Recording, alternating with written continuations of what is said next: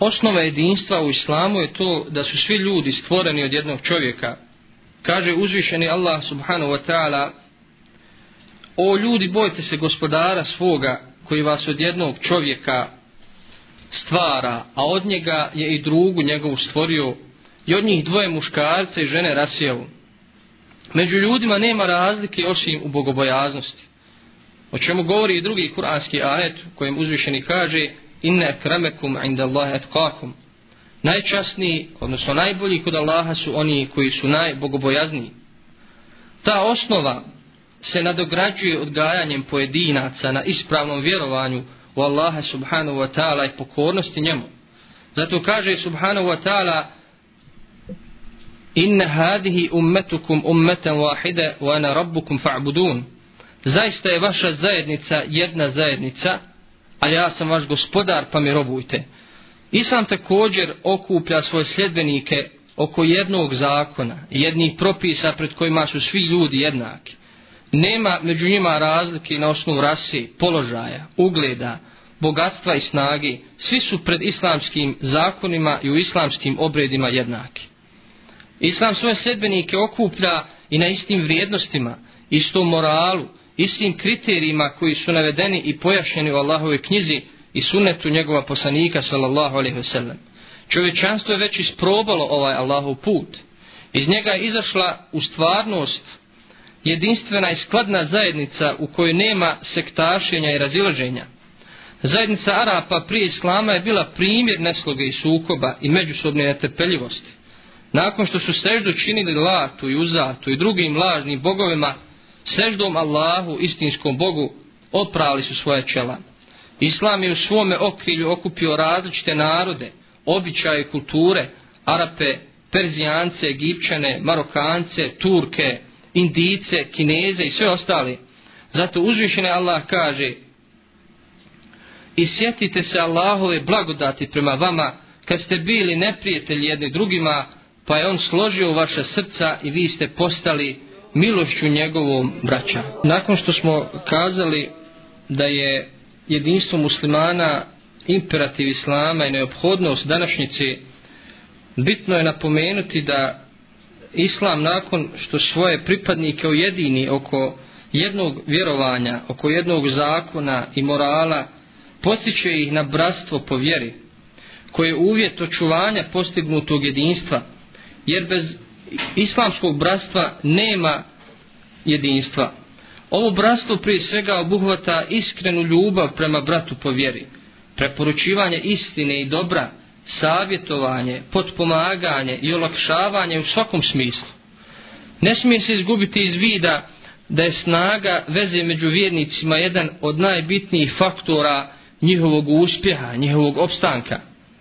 Danas se to naziva sloga u redovima svoga naroda.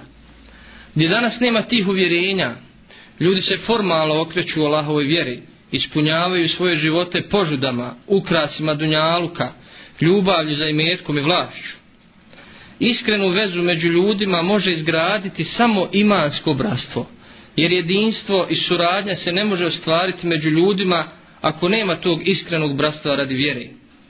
Uzvišeni Allah subhanahu wa ta'ala kaže i on je sjedinio njihova srca da si ti potrošio sve što na zemlji postoji ti ne bi sjedinio srca njihova ali ih je Allah sjedinio on je zaista silan i mudar.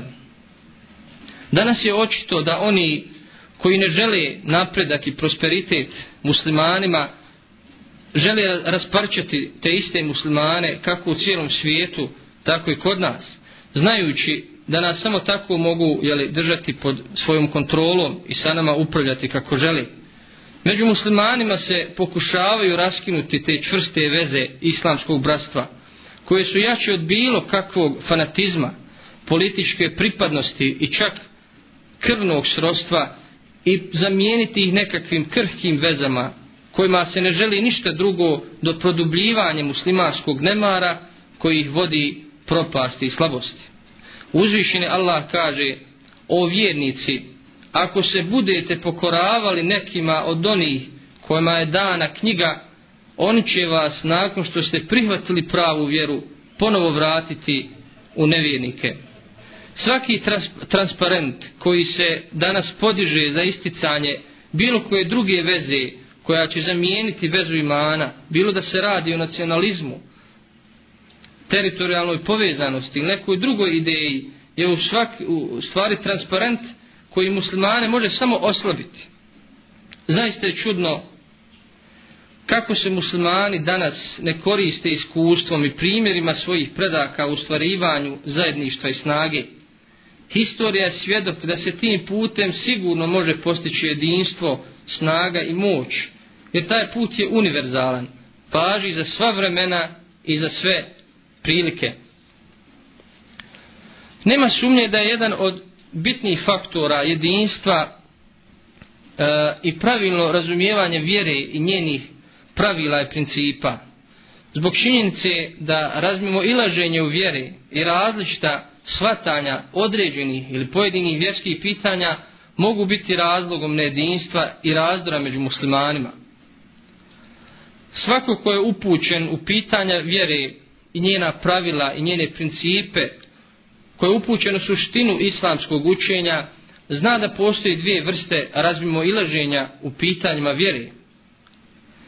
Jedno je odraz i rezultat mišljenja i stavova na osnovu ištihada, slobodnog mišljenja.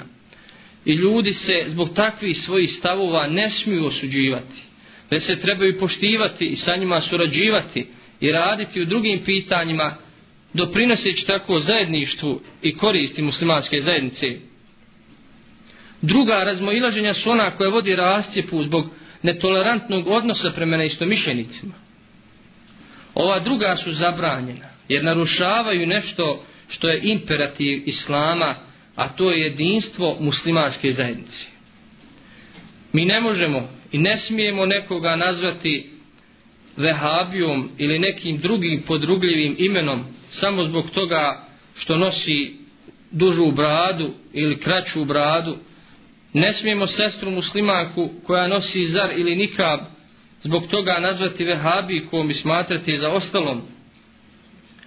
Sve to upućuje na ili naše neznanje u vjeri ili našu pristrasnost, pristrasnost Prva razilaženja nisu štetna jer doprinose razvoju mišljenja, istraživanja i znanja uopće.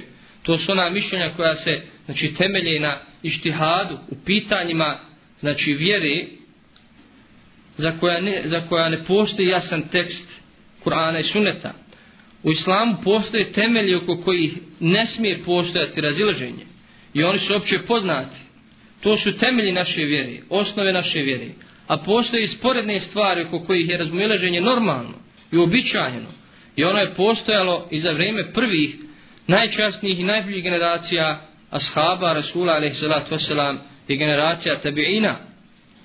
Znači te sporedne stvari ne smiju biti razlogom razmoilaženja među muslimanima, a naročito u ovim vremenima i okolnostima u kojima žive muslimani na ovim prostorima, kada je u pitanju njihov i vjerski i biološki i politički opstanak.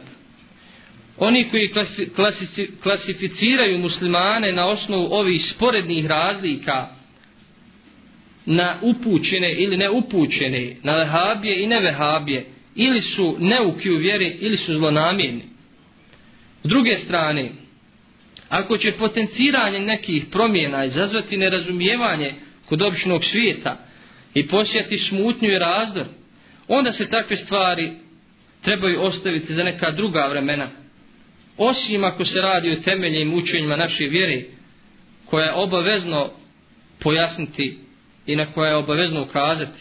U tom slučaju obaveza vjerskih službenika, teologa i onih koji se bave poučavanjem ljudi i njihove vjere da ljudima pojasne te propise.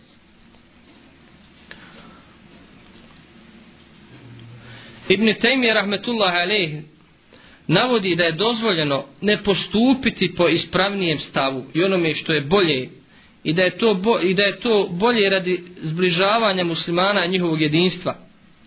Kao primjer navodi slučaj kada je poslanik alejhi salatu wasalam odustao od rušenja Kaabe da bi je ponovo sagradio na Ibrahimovim temeljima bojeći se da će nove muslimane iz plemena Kureš odbiti od Islama dao je prednost zajedništvu, izbližavanju nad izgradnjom Keabe na Ibrahimovim temeljima, iako je to bilo veoma značajno. Ovu predaju bilježi Buharija i Muslim. Prema tome, poštovana braćo i sestre, moramo biti svjesni vremena i trenutaka u kojima živimo i moramo biti svjesni da je jedinstvo muslimana na temeljima islama, na izvorima islama, prioritet kojim se trebamo svi posvetiti i stvar na koju trebamo svi raditi.